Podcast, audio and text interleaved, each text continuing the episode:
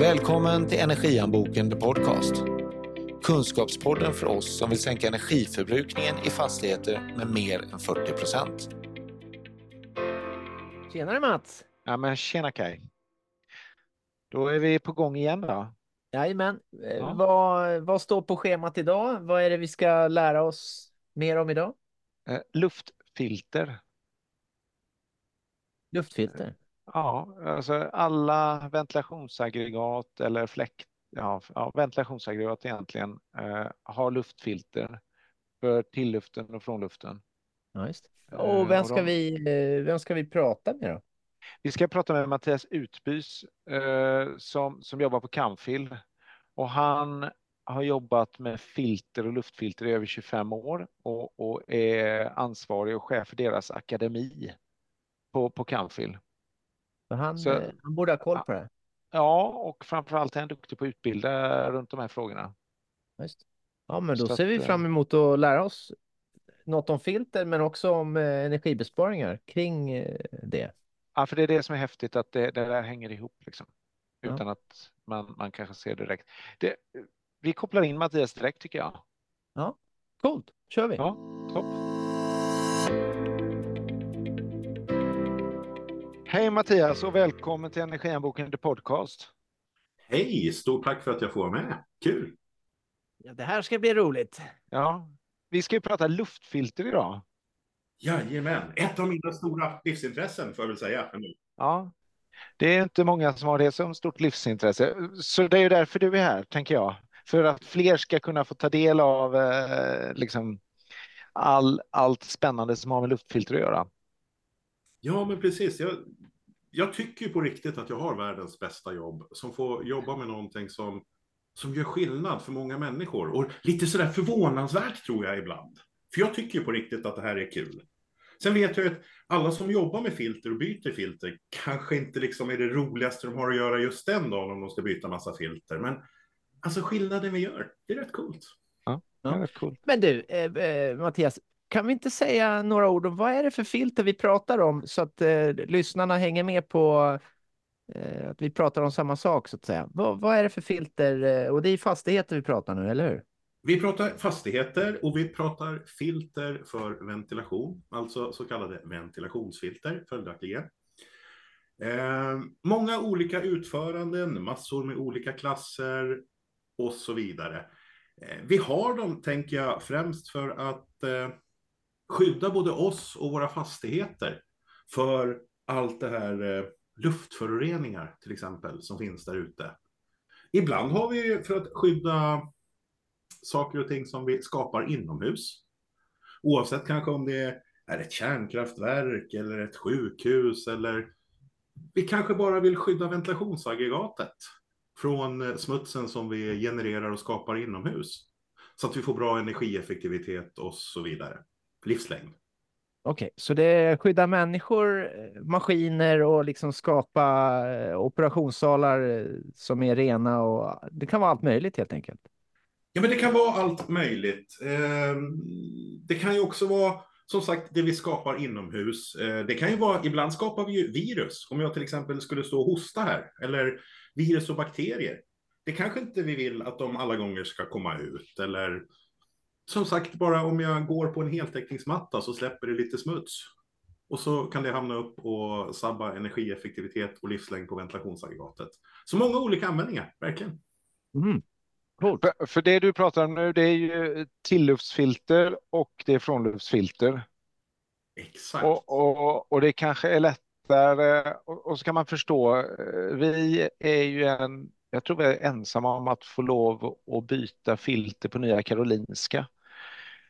Eh, på, på, det finns ju avdelningar där och aggregat som, eh, som försörjer eh, Eh, miljöer som är, är superkänsliga där man hanterar eh, så här jättefarliga virus och så där, infektionskliniker och. Så, jag jag har för mig att vi är det enda företag som faktiskt får lov att byta filtren där. Vi har någon sån här specialutbildning på ett antal av våra tekniker. Men, så, så det är ju frånluftsfilter i en dimension, men, men vanligt är ju också i restaurangkök och, och, och, och fettfilter och sådär.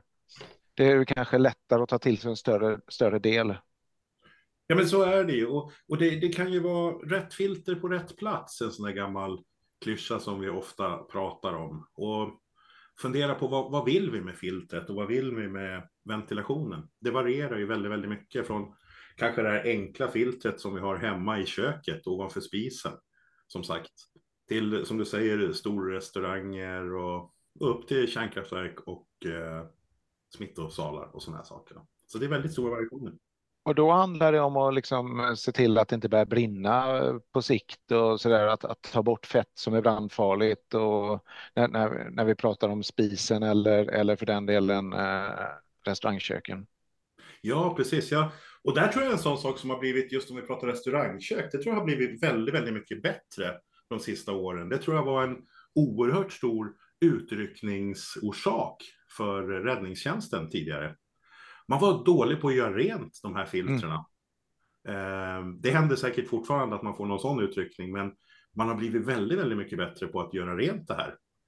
Eh, ni vet, det sitter massa fett där och så blir det varmt och så är det lätt att det slår eld. Liksom. Mm. Så det är faktiskt, där har branschen, restaurangbranschen får jag säga, de har ju verkligen blivit mycket bättre och skärpt till sig på det där. Mm. Jag blir lite nyfiken också, för det där eh, hänger man ju med på, det förstår man ju, man vill inte att det ska brinna i köket. Eh, men jag tänker mig, eh, när viruset covid och, och, och det här har hänt, har det påverkat eh, intresset eller medvetenheten för att ha ren luft och liksom arbetsplatser och hem? Eller hur ser det ut på den fronten, Mattias? Ja, men massor. Det var ju en stor skillnad. Vi har ju det var väl första gången i min, jag har hållit på med det här i 25 år ungefär. Det var väl första gången som jag blev populär på middagen på lördagskvällar när man började prata smittspridning och ventilation och partiklar. Alla ville vara kompis med, med dig. ja, men lite så. Det var ju faktiskt första gången på 25 år. Då. Så att, ja, men det har ju varit stor skillnad och jag törs säga att ventilation generellt har väl, i alla fall inte under mina år, varit så aktuellt som det är, är nu. Tråkig sak, tråkig anledning att det blev så. Men eh, positivt tänker jag för att det är inte bara covid. Det finns ju så himla mycket annat som gör att vi kan förbättra för människor med just ventilation, tänker jag. Ja, just. Ja, jag tror att jag läste i Energihandboken just att det var någon undersökning där liksom kreativiteten, eh, att ta bra beslut eh, också påverkas eh, mer än man tror av inomhusluftens liksom kvalitet. Så det här är ju många, det är inte bara energi utan det är bra beslut. Alltså det påverkar på massa olika sätt. Så det, det, det är helt ofattbart hur du kan höja effektiviteten på ett kontor med rätt inomhusmiljö och rätt luftväxling. Alltså fruktkorgen är, eh, den är bra för mot, det är många som vill ha en fruktkorg på jobbet och det är bra. Va? Man pratar om, om 30-40 procents effektivitetsförbättring om, om du har eh, om du har bra inomhusmiljö. Och, och då är det kombination av luft, luftväxling, temperatur och, och ljus bland annat. Det är en, en kombination, så det, det, hänger ihop. Ja, men det, det, jag har hört ännu högre siffror också ja. på det.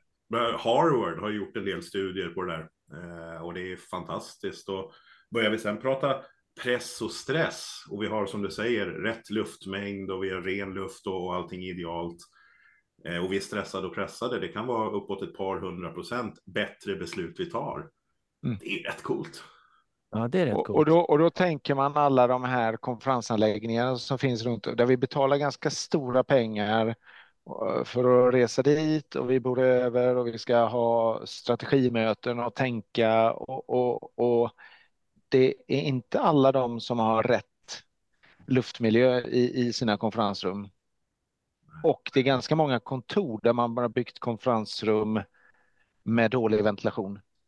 Ja, skrämmande mycket. Och, och ändå så tror jag, jag är nu lite negativt sådär, men man vill, vill inte sprida. Men jag tänker, om vi pratar om de här miljöerna som du nämner nu Mats, det är ju det är bra miljöer. Jag tror de är hyfsade. Gå in och kolla i en skola. Mm, ja, det är ännu värre. Ja, och det, det är på något vis våran framtid som står där. Hoppas i alla fall att det är våran framtid, tänker jag.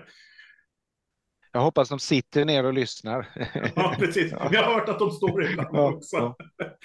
Nej, men det, där borde vi ju verkligen se till att det är liksom rätt luftmängder och, och allting och rätt personer i lokalen eller rätt antal personer och så mm. vidare. Mm. Liksom. Det påverkar ju mycket. för lång tid. Men, eh, men då blir jag ju så nyfiken, men då ska vi göra något åt det här. Vad, vad behöver man, om man lyssnar på den här, eh, det här avsnittet eh, med oss Mattias, vad behöver man veta för att liksom börja prioritera kring luftfilter eh, liksom filter och sånt där? Vad behöver man veta? Ringer man någon eller behöver man ha någon kunskap? Hur ska man tänka liksom? Eh, ja, men jag, jag tror kunskap är ett bra ord som du använder. Jag tror det är superviktigt att vi, att vi skaffar oss kunskap. Eh, och det finns ganska många som, som kan och vet. Sen, sen så finns det nog fler åsikter också än, än kunskaper kring det här. Det är jag övertygad om. Ja, killar gissar ju oftast. Eh... Väldigt bra på det. Killgissa eller tjejkänna. Precis. Precis. Eh, jag tror att vi brukar prata ofta om att, att mäta är att veta. Den är ju ganska bra. Eh, det stora problemet för oss då, som jobbar med filter och föroreningar, det är väl det här, eller det, ja, men kanske förmodligen det största, är väl att, att det syns liksom inte. Vi mm. pratar ju partiklar som är mikrometer stora eller mikrometer små. Eh, och en mikrometer är en tusendels millimeter. Så, så tar den där lilla millimetern och så hackar vi den i tusen. Och det, det, finns ju inte en chans att vi ser de där grejerna. Men de påverkar oss enormt mycket. Eh, så att jag tror att, att skaffa kunskap tror jag är jätteviktigt. Och det, det kan ju vara bra att, att, skaffa en bra partner som sköter sin ventilation, tänker jag. Det är väl en jättebra start, till exempel. Se till vad har vi för system, hur sköter vi dem? Och så vidare. Det tror jag är jätteviktigt. Att man byter filter och gör rent dem så att eh, man inte bara har en, en schysst anläggning utan att den också snurrar på hela tiden då. Ja, precis. Men vad, vad, har vi när, jag, när vi ska välja ett filter så, så, så har du ett, alltså det är ju en relativt komplex process ändå, för du har, du har, du har ganska många parametrar. Du har, du har filtertyp, alltså vilka... Du kan inte du dra det Mattias, för du kan mm. det så mycket bättre. Ja. Ja, men alltså, jag har väl en hum om det i alla fall, tänker jag. Vi har ju till, till vår hjälp i alla fall, så, så har vi ju filterklasser. Ehm, och den är en global standard som heter ISO 16890. Eh, vi testar filtren på samma sätt och vi klassificerar dem på samma sätt över hela världen. Jag tycker det är ruskigt bra, måste jag säga. Speciellt jag jobbar på ett globalt bolag. För oss underlättar ju det enormt. Eh, men jag tänker också att har hela världen kommit överens om någonting så tänker jag att det är en bra sak. Det kan säkert vara någon kompromiss hit eller dit, men det man tittar på i filterklasserna framför allt så är det storlekar på partiklar. Vilken typ av partiklar vill jag ta bort? Just. Och så har man satt klasser efter det. Och vad finns det, hur tänker man där? Är det typ damm och virus och liksom lite så eller? Ja, men exakt. Fast man kallar det bara storleksmässigt och man mäter i mikrometer. Om vi pratar komfortventilation framför allt först. Sen finns det de här som vi kallar absolutfilter eller HEPA-filter. Det är de Fabrelon sätter i sina bilar, eh, Kai. Exakt. Ja. Kai är lite förtjust i eh, Fabrelon. Bara jag. ja, ja, jag är också förtjust i Fabrelon. Ehm, och de sitter ju också i operationssalar och sådär. Och de sitter ju inte i det vi kallar vanlig komfortventilation generellt sett. Och ett sånt här absolutfilter eller HEPA-filter som det kanske ofta kallas, de är klasserna 10 upp till och med 17 brukar man prata om dem. Tidigare fanns det klasser 1 till och med 9 också, men de har man gjort om sedan 5-6 år tillbaka. Men klasserna 10 till och med 17, då pratar vi 99, någonting procent av alla partiklar försvinner. De fastnar i filtret. Tittar vi lite lägre filterklasser, det vi jobbar med komfortventilation, ja, men då pratar vi en procentuell avskiljning. Säkert, eh, i alla fall Mats, du vet ju, du har hört ordet F7, tänker jag, tidigare. Nej, tyvärr inte. Aj, aj, aj, aj, aj. Ja, ja, Men nu är chans att lära dig nu, Mats. Ja, det var en filterklass som fanns okay. för några år sedan. Ja. Den översätter man idag och heter EPM1 60 procent. Det, det, låter ju inte alldeles glasklart, men, men egentligen så är det det, för det betyder att det här filtret avskiljer minst 60 procent av alla partiklar som är en mikrometer och mindre. Mm. Och sen avskiljer den generellt sett lite mer om partikeln är lite större eller mindre. För alla filter som man kan köpa och beställa idag, de har en punkt som där de är sämst, om man säger. Och det gäller även våra egna filter som vi har i våra kroppar. Och den punkten brukar man prata om och kalla most penetrating particle size, alltså det som är svårast att avskilja. Och den brukar ligga någonstans 0,2-0,3 mikrometer liten. Eh, så det luriga med filter, eller det som är förbaskat väldigt bra egentligen, är ju att det vi vet är att om filtret stoppar de här storleken på partiklar, då stoppar den i princip allting annat också, enligt den här klassen med procentuella satser. Just. Eh, ner till det vi börjar prata sen, gaser och molekyler. Då är det ännu mindre. Då är det ännu mindre. En molekyl kan vara upp till 10 000 gånger så liten som en partikel. Ni vet de här mikrometrarna som jag pratade om för en stund sedan. Det här är riktigt små grejer. Nu är det riktigt små grejer och då pratar vi ofta lukter. Eller gaser som sagt. Då Okej, jobbar man med en annan typ av filter som vi kallar gasfilter eller kanske i dagligt tal kolfilter. Mm. Och man brukar säga att någonstans över 90 procent av alla luftföroreningar i en stad är gaser. Och det här är någonting som vi, vi partiklar, ja men det vet alla att det är farligt och, och liksom det kan ge både det ena och det andra. Det här är nästa sak tror jag. Att vi kommer börja jobba mycket mer med gasfiltrering också, alltså kolfilter. Eh, låt mig se om jag hänger med nu. Så Mm. om man eh, är på en trafikerad väg i en storstad där det är massa avgaser eh, från fordon och så vidare på gatan och så har man ett kontor eh, och andas man den här luften och så ska man ta bra beslut så eh, kommer de här gasfiltrerna in och, och kan höj, höja effektiviteten eh, med ett par hundra procent eh, för oss människor. Så kan det absolut vara, ja. Och det har ju ordet. Ja, men, ah, men det, är, väl- är det, det är väl inte gaserna vi filtrerar bort primärt. Det, det är ganska få kontor som har den typen av filter, Mattias. Exakt, jag skulle precis snurra tillbaka till den. Det är nästa grej tror jag som kommer. Partiklar är vi väldigt, väldigt duktiga på att filtrera. Men tittar vi ett antal år bort så är jag övertygad om att vi kommer jobba även med gasfiltrering i det här. I kombinationsfilter. Det finns idag lite grann, men det är ingen stor grej. Utan idag jobbar vi generellt sett med partikelfilter. Ja, Och, och, och, och, kolfilter har du, det är ganska många som bor i en stad som har kolfilter hemma. Exakt. Eh, För fläkten i, över spisen om du inte eller? har en riktig fläkt, du som bor på landet har ju en bra fläkt som trycker ut luften, va? Men bor man i det, lägenhet som jag gör och så, så har inte vi en riktig fläkt utan då har vi ett kolfilter. Och så funkar det så där. Och, och, och så behöver man byta dem med lite jämna mellanrum. Eh, För de börjar lukta apa efter ett tag. Exakt. Eh, och det, då handlar det mycket om lukt. Så. Ja.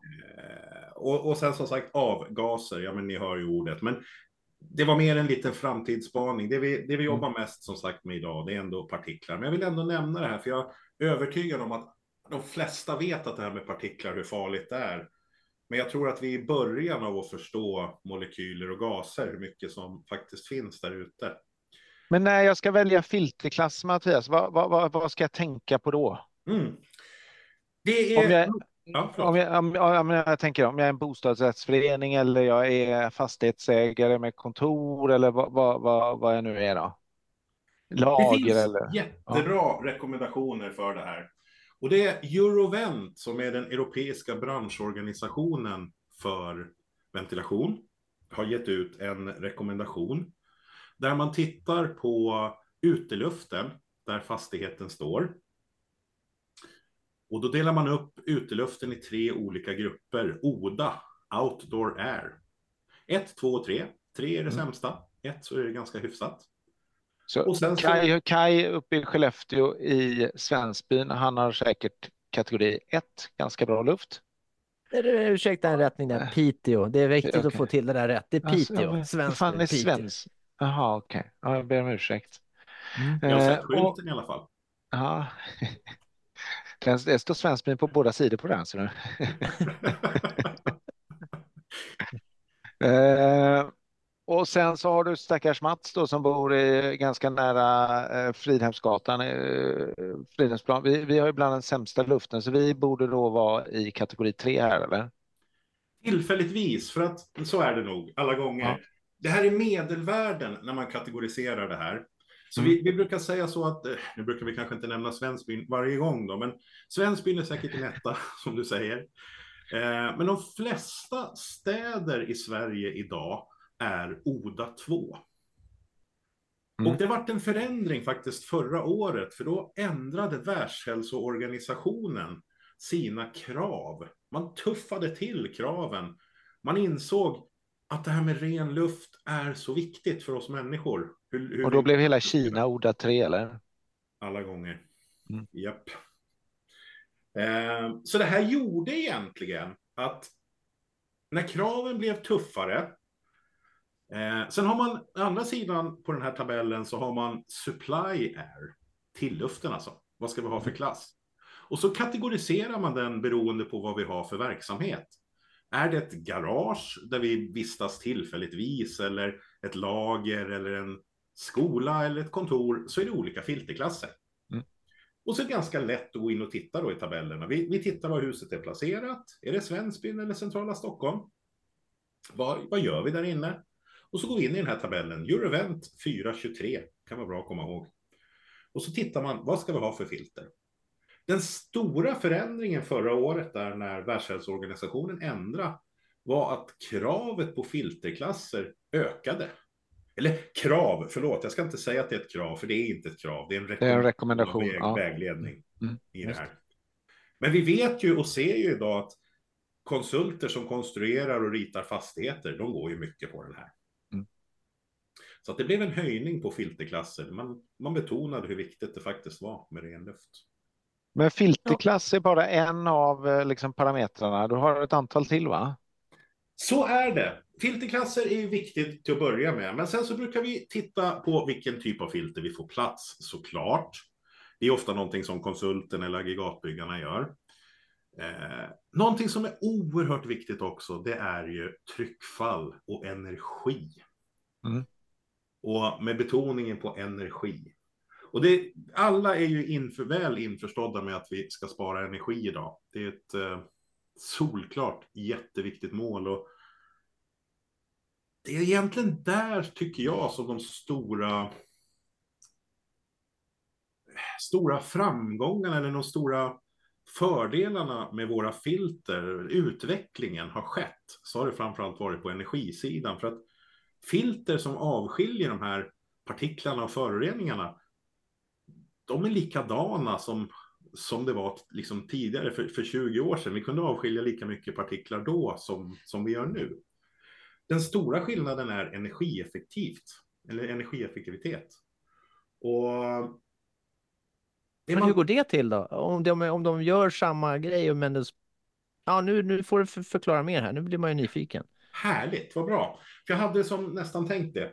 Och det, det roliga när man tittar på ett filter och man tittar i ett ventilationsaggregat, vilket kanske inte alla gör varje dag, tänker jag. Men det man tänker på då när jag pratar energieffektivitet är att man ser ju aldrig någon form av elkabel eller så i princip gå in i ett filter. Utan det det handlar om är ju att filtret fortsätter göra sitt jobb, alltså ta föroreningar, fastna. Men att det är så lätt som det bara går att få igenom luften ändå. Så fläkten, eh, så fläkten inte får eh, överjobba så att säga. Mm. Ja, man pratar om tryckfall. Exakt.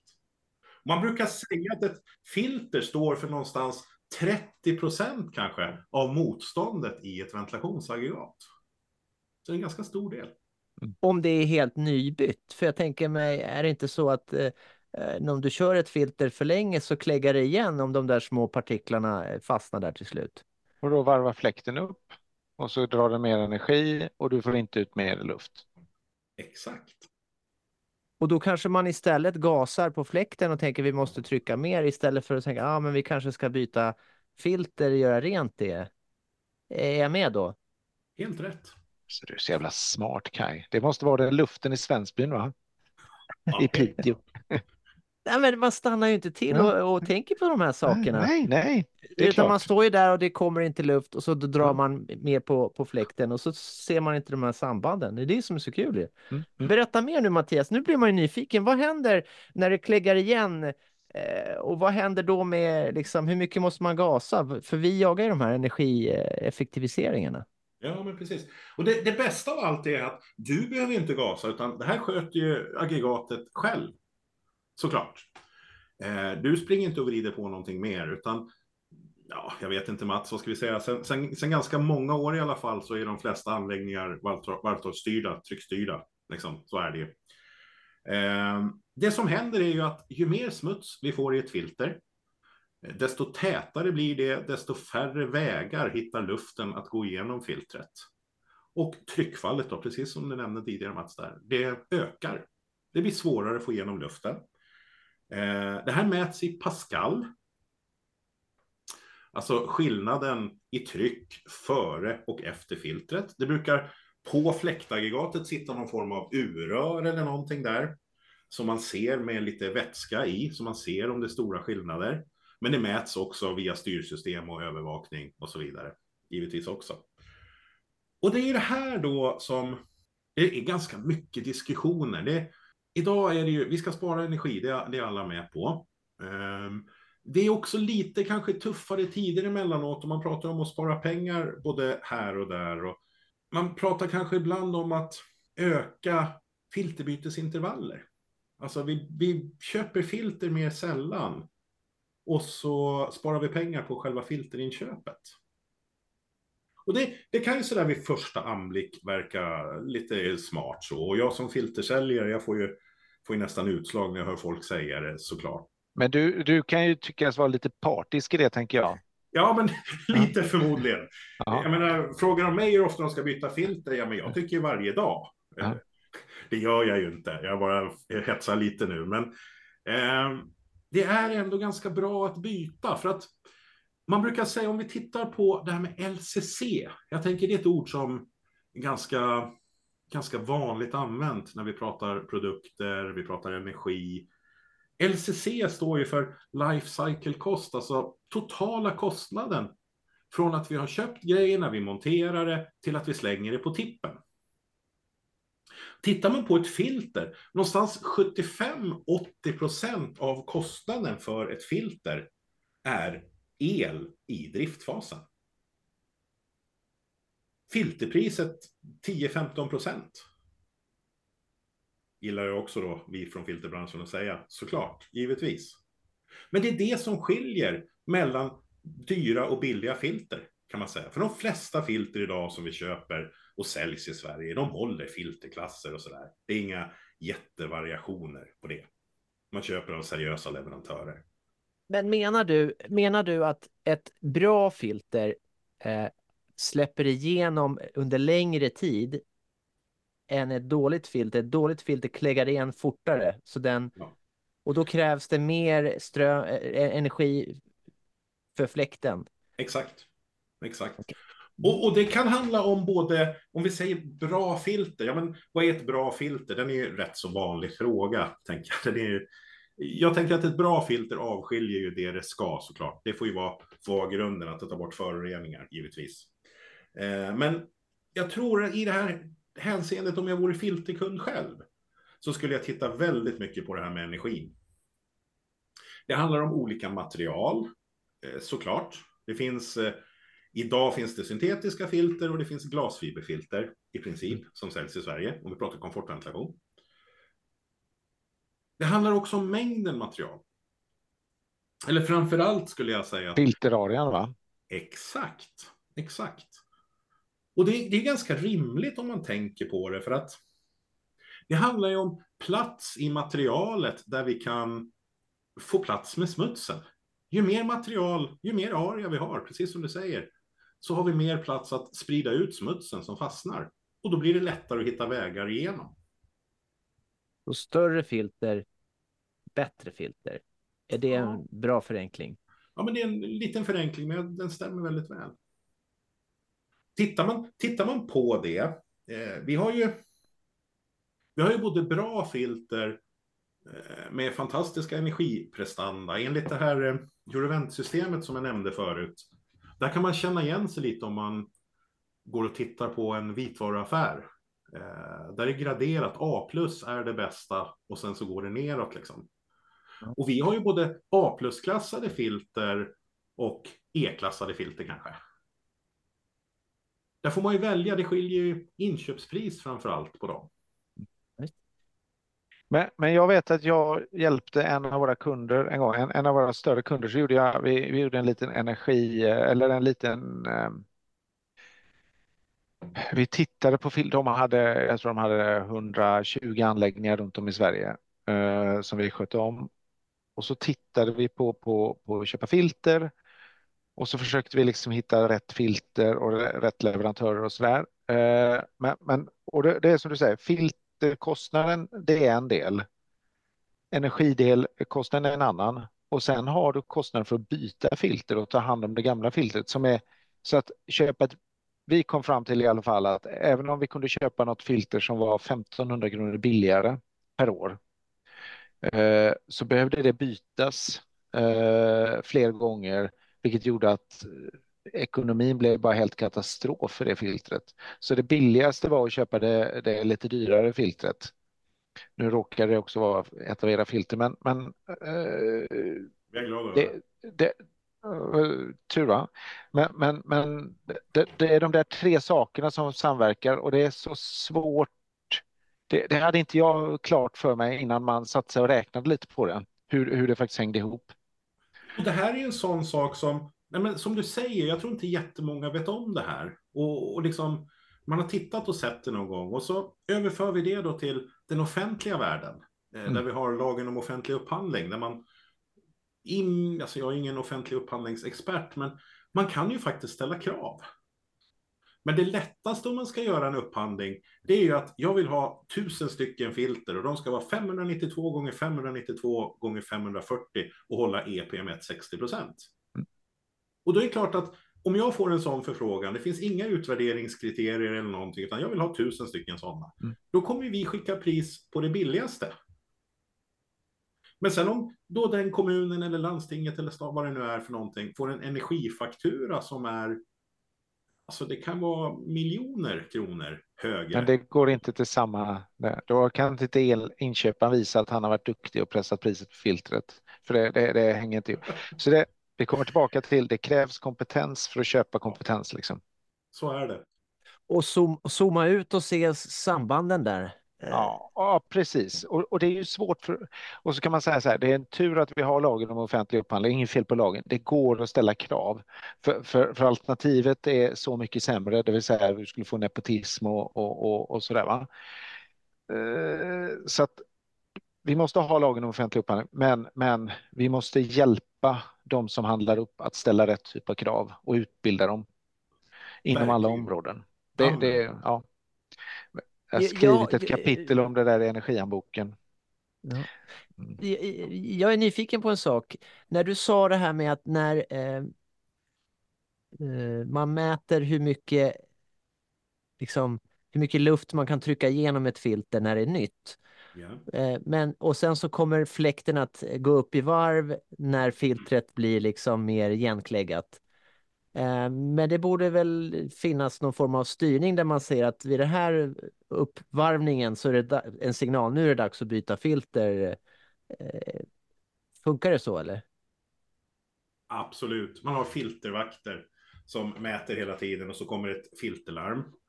Ehm, går till då driftavdelning eller ja, vad man då har för vem som kollar de där larmen. Eh, generellt sett så tror jag att, eh, jag har ett visst egenintresse i det här återigen. Generellt sett så tror jag att man skulle spara väldigt mycket energi och därmed pengar på att byta filter oftare. Det är min spaning. Eh, De flesta i Sverige idag, gissar jag, jag har ingen exakt statistik, Men väldigt många i alla fall byter filter en gång per år.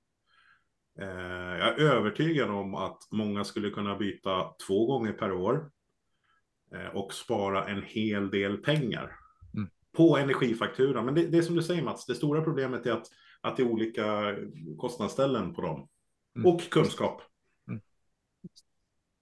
Ska, ska vi säga lite för, för, då har vi, vi har liksom filterklass till en parameter. Vi har filterarea och filtermaterial som är en annan parameter. Vi har, vi har tryckfall och energi och, och så där. Finns det någon annat sån här eh, perspektiv som när jag väljer filter som, som är värt att, att, att nämna, Mattias?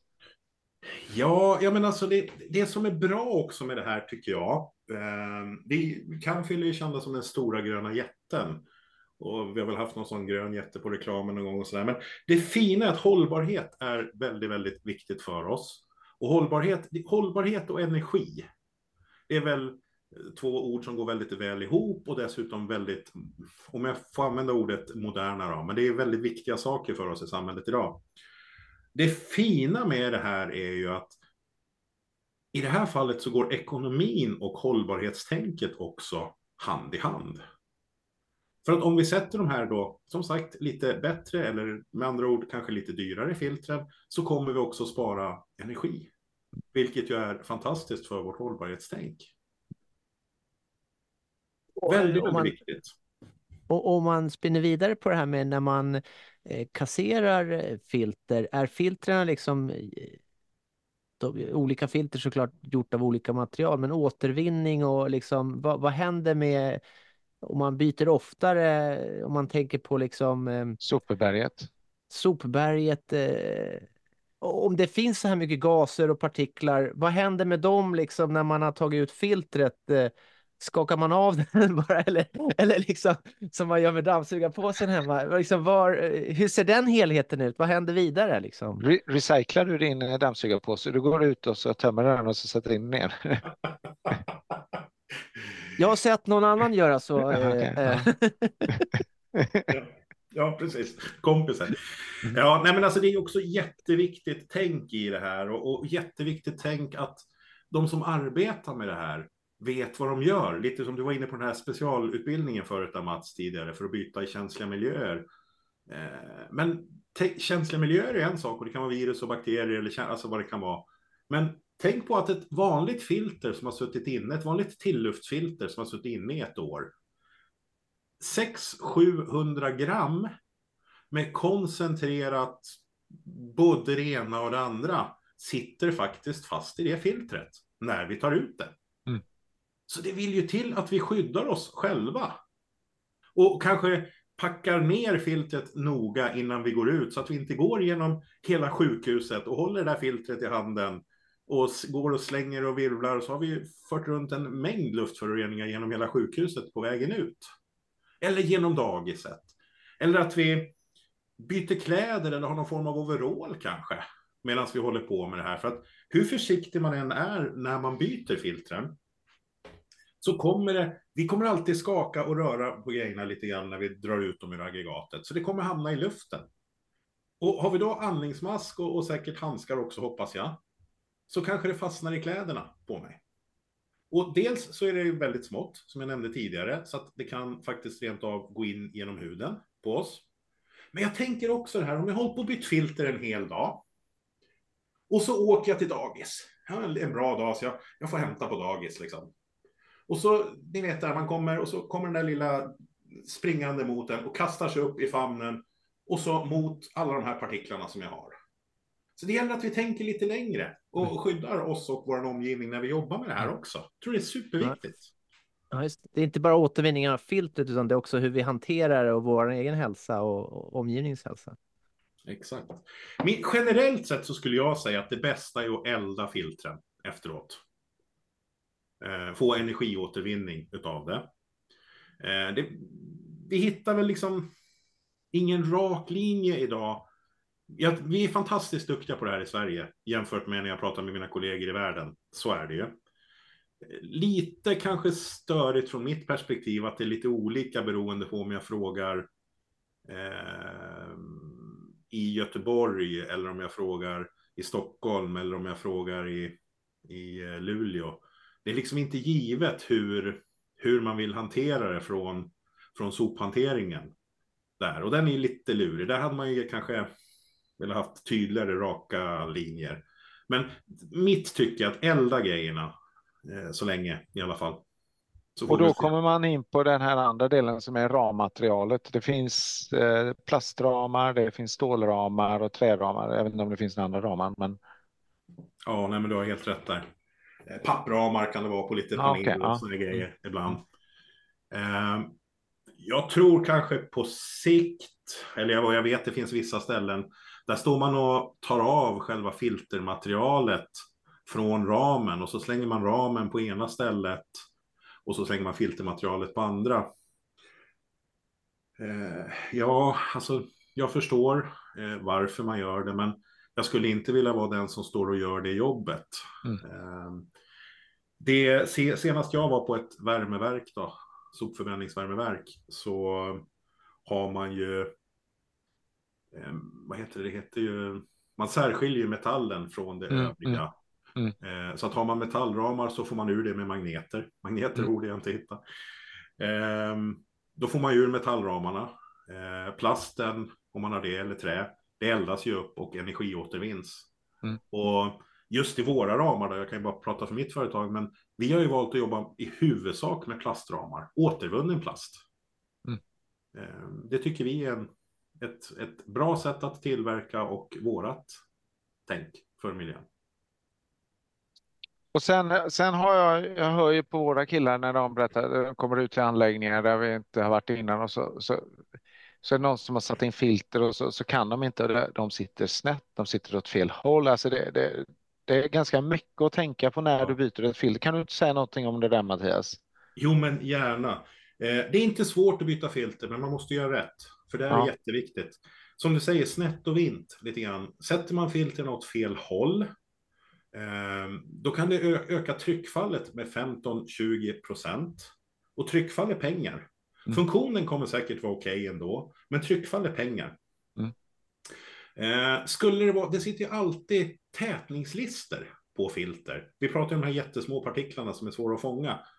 Eh, vi måste täta mellan metall och metall, eller metall och plast i aggregaten. Om man struntar i tätningslister, eller man missar lite grann. Eh, vi har gjort några exempel på det här, där man tittar att vi tappar verkningsgrad på värmeväxlaren, återvinningen, värmeåtervinningen. Mm. Mm. Och säg att vi bara tappar 10 procent, alltså att vi får värmeväxlaren lite smutsig beroende på att vi inte har tätat schysst. Ett vanligt aggregat, ett, ett aggregat som är ungefär 18, säg, säg 2 meter brett gånger eh, 70 centimeter, ett ganska vanligt aggregat. Inget jätteaggregat på något vis, men står på mängder av dagisar, kontor och så vidare runt omkring. Vi tappar energi någonstans motsvarande 25-30 000 kronor på att vi slarvar. Så det mm. gäller att göra rätt. Det är det viktiga. Det är inte svårt på något vis. Utan ja, ingenting är svårt när man kan det, men man måste vara lite noggrann och, och man måste veta vad man ska titta efter. Och jag, det har väl också blivit bättre, men som sagt under åren så har man kommit ut ofta och då har man haft sommarjobbare som har bytt filter. Mm, mm. Och jag kan förstå tanken på ett vis liksom. Men det kanske inte är det ideala alla gånger. Om vi nu inte ser till att utbilda och handleda dem rätt. Då, mm. då det kan bli det. dyrt. Det kan bli dyrt. Ja, det kan bli jävligt dyrt. Både hälsomässigt och ekonomiskt. Ja, ja. Alltså det är, det är nästan så jag glömmer bort den, den här frågan, så jag, jag, vill ta den nu när den far genom huvudet. Så vad, hur skulle man kunna tänka kring energibesparingar eh, för det är ofta så att man vill liksom veta, men vad kan vi spara eh, i pengar eller i energi eh, sådär. Så, så går det att liksom på något vis eh, säga att har man dålig frekvens på filterbytet kontra att, att välja rätt filter och göra rätt. Vad, vad är det för besparingar vi, vi, vi kan prata om då? Eh, vi gjorde, det är kul att du tar upp det, vi gjorde ett exempel med en stor kund i Solna faktiskt. Nära, det ligger något köpcentrum och någon liten fotbollsplan och vad det är där. Eh, strax norr om stan. Eh, de hade... Stråberg Arena heter den numera. Just precis, exakt den. Exakt den. Eh, vi gjorde Ja, vi exempel. styrsystemet, tror jag. se där ja, se där. Ehm, området runt den här arenan, det är rätt mycket kontor. Mm. Jag kommer inte ihåg hur mycket kvadrat det är, men det är väldigt många kvadratmeter. Eh, mycket kubikmeter med luft, tänker jag. Ehm, man, jag har för mig att det är ungefär 1100 filter i den anläggningen. Eh, och man tittade, man hade filter som var A-klassade, för man hade ändå en medvetenhet hos kunden i eh, att det är viktigt med energiklass. Så att man hade A-klassade filter, men vi kom dit och ville säga att vi kunde göra det här lite bättre. För vi har A+-klassade filter. Och Så det var redan väldigt bra, men ni ville Ja. göra det lite bättre. Exakt, Så det- A, A så- är inte dåligt. Om vi, vi, vi säger ändå att vi kan gå ner till EF. Liksom. Så att A är ju bra. Men vi gjorde exempel och räknade och tittade lite grann tillsammans med kunden. 1100 filter. Vi räknade bara på tilluften. Och det var det här rekommenderade filtret EPM1 60% som Svensk Ventilation eller vi rekommenderar. Eh, man körde inte dygnet runt utan man hade lite styrning på det här att genom att byta filter från A till A+, så sparade man i det här området 165 000 kilowatt per år. Det är 8 ton koldioxid. Och sen får man väl räkna på vad man tycker att, att varje kilowatt är, eh, är värd. Då. Det kan väl vara lite olika, men ett par kronor är väl kanske ingen dålig gissning över tid, Mm. tänker jag. Just. Så att Och man det- ska ändå byta filtrerna, eh, för de har en livscykel. Så att välja rätt filter då kan vara en bra sak. Primärt ska du tänka så här att du byter två gånger om året. I väldigt smutsiga miljöer så kanske du är uppe i tre. Eh, väldigt sällan räcker det med en gång om året. Så är det. Exakt så. Och det, det finaste är att du sparar dessutom pengar på det. Ja. Det är inte bara någon lullull som vi säger för att sälja filter eller för att det, det ska vara bla bla bla bla, utan det går Det blir inte coolare, det är inte en spoiler eh, så att det ska se fränt ut, utan det har en funktion eh, på både elräkningen och på, på luften. Så att säga. Ja. Men okej, så det där var från ett bra filter till ett ännu bättre filter. Ja. Men har du något skräcksexempel då där man har haft liksom eh, ett dåligt filter och vad har hänt då, då på energibesparingsfronten? Då? ja, men alltså så är det också. Och det, det ser man ju, höll jag på att säga, eller hört talas om i alla fall varje vecka, skulle jag säga. Och då kommer vi ofta på kanske den offentliga sidan lite grann, där man har köpt någonting som man inte vet eh, vad det är för någonting. Och tittar vi bara på, ja men vi har ju två serier hos oss. Vi, vi har XLT eller XLS. XLT är vårt miljöalternativ, det är vårt bra filter, det som kostar några kronor mer. Eh, XLS är det lite enklare. Det man ser där är ju att beroende på vilket filter och så vidare man köper, det kan skilja 1000 kilowattimmar per år per filter. Då pratar vi ett filter. Och det är inte jättemånga fastighetsägare som har ett filter. Och det är inte många, inte många fastigheter som har rätt filter. De, en fastighet har ju oftast många filter. Ja, Sätt en siffra på många då, för jag vet ju inte vad det är för siffra. Kan man säga liksom en, vilken typ av fastighet och hur många filter är det? Mellan liksom, En förskola skulle jag säga någonstans kanske 20 filter. Mm. Eh, Mall of Scandinavia skulle jag säga bara för att vi pratar om det, men nu har jag glömt hur många de har. Men det är, jag tror att det är 900 filter eller någonting sånt där. Mm.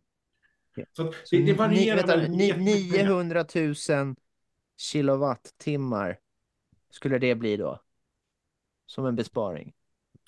beroende på vad man har och nu är ju mycket anläggningar är ju liksom inte kass. Det här ändå har ju varit lite modernt och faktiskt folk har ju förstått vidden med det i några år. Eh, Men det kan absolut vara så. Det är saker som, som jag hör om ofta.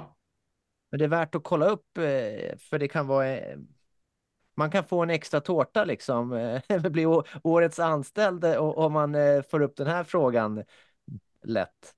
Så är det. Så är det. Ja. Nej, men shit vad spännande. Jag har lärt mig massvis. Um, jag har faktiskt gjort rent filtret i spisen i köket idag, eh, bara för att vi skulle spela in det här, så att jag känner att jag, jag ligger på plus. Härligt. Och jag har lovat min fru att jag ska byta eh, kolfilter i, i våran eh, fläkt idag. Så att, ja. ja, men se till att ha koll. Ja. Att vi, vi, vi, har vi inte koll själva, ta hjälp. Mm. Det finns ju kompetenta människor liksom där ute. Det tycker jag är det viktigaste med det här faktiskt. Kanon. Du Mattias, tusen tack. Tack själva. Kul att Och du får hälsa så mycket till Rebecka. Jag lovar, absolut. Aha. Tack för idag. Tack för idag. Tack.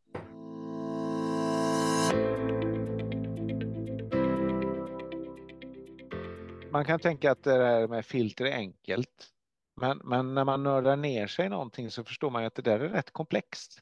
Ja, ja, jag har lärt mig grejer som jag, ja, som jag inte visste att man kunde lära sig. Typ. Nej, precis. Men det är därför vi gör det här, för att vi ska lära oss mer Kaj. Ja. Men vad, vad, tar du, vad tar du med dig av, av det här då? Eh, ska jag börja då? Ja, gör det. Ja, men min, min konklusion är att det finns flera parametrar att ta hänsyn till. Allt ifrån filterklass till filterarea, filtermaterial, tryckfall Eh, och att ekonomin består av valet av typ av filter eh, som påverkar energiförbrukningen och kostnaden för att faktiskt byta eh, filtret, alltså att åka dit och göra och att det krävs en del kompetens för att byta filter, i alla fall kunskap kan man väl säga. Både om arbetsmiljö och om, om hur filtret ska sitta för att det ska bli en, en, en bra helhet. Vad är din konklusion? Ja, det jag, det jag aldrig hade tänkt på, eh, det var ju att, att filtret inte bara skyddar inomhusluftens kvalitet, alltså oss människor som rör sig i fastigheter, utan också maskinerna, fläktarna och så de fyller flera funktioner och då kommer liksom slits maskineriet eller går det mer ström eh, för att de måste gå på högre varv? De sambanden tyckte jag var, var, var spännande att förstå. Eh, men sen framför allt det här med att om man går från ett A-klassat filter till ett A+, alltså man går från en väldigt bra filter till vilka enorma mängder eh, energi som kan besparas. Eh, mm. Och går man då från ett dåligt filter som är kanske misskött, filter. som inte bytt så ofta. Uh, eh, så det finns ju enorma mängder eh, energi att, att, att spara här. Så det, det tyckte jag var... Eh, ja. Sen har du det vi inte pratar om, det, då nästa perspektiv, det är ju när på året ska man byta filter. Du har ju på, på, på våren när det, det är lite dammigt ute och, och så där. Du har en period när det är mycket damm då sätts ju filtren igen mycket, mycket fortare. När, när eh, man, man sopar gatorna och så där. Då har du en period när det är väldigt mycket skit i luften. Årtidsväxlingarna och vad som händer påverkar. Ja, så man måste, man måste ha koll på när det är smart att byta filtrerna. Det är tråkigt om du har satt hit en nytt filter precis innan du har en sån period. Ja, då har man kläggat igen den eh, ganska fort. ja. Liksom. Mm. ja. Samtidigt som du inte vill lägga in den här skiten i, i, eh, i din anläggning. Ja. Och ytterligare en sak som jag tycker är spännande, det är ju att man kan ju nörda ner sig liksom filter och allt det där, men det är ju så tydligt hur filtret sitter ihop med energiförbrukningen eller med fläktens eller trycket. Det är som att man behöver bredda, det är den här fyrvägskorsningen återigen, att sambanden ger liksom effekter så att man behöver titta på fler saker. Och eh, så helhetsgreppet är ju liksom eh, kung så att säga. Samband is the shit. Ja, verkligen. Den som ser flest samband och kan optimera efter det, den kommer ju spara mest men också ha bäst inomhusluft. Det är ju mm. uppenbart. Och hur inomhusmiljön och inomhusluften påverkar effektiviteten i sin tur. Ja, funktionen i, i mm. fastigheten. Mm. Ja. ja. superbra. Ja. Som vanligt lärorikt. Eh, mm. Jättekul det här. Eh, ja. Så säger vi hej då för idag kanske? Nu säger vi hej då. Ja. Podden görs av oss på Indoor Energy. Våra kunder har de energieffektivaste fastigheterna. För att vi är specialister på samverkan mellan kyla, värme, ventilation och styrreglerteknik. Läs mer om oss och våra 250 experter på indoor.se.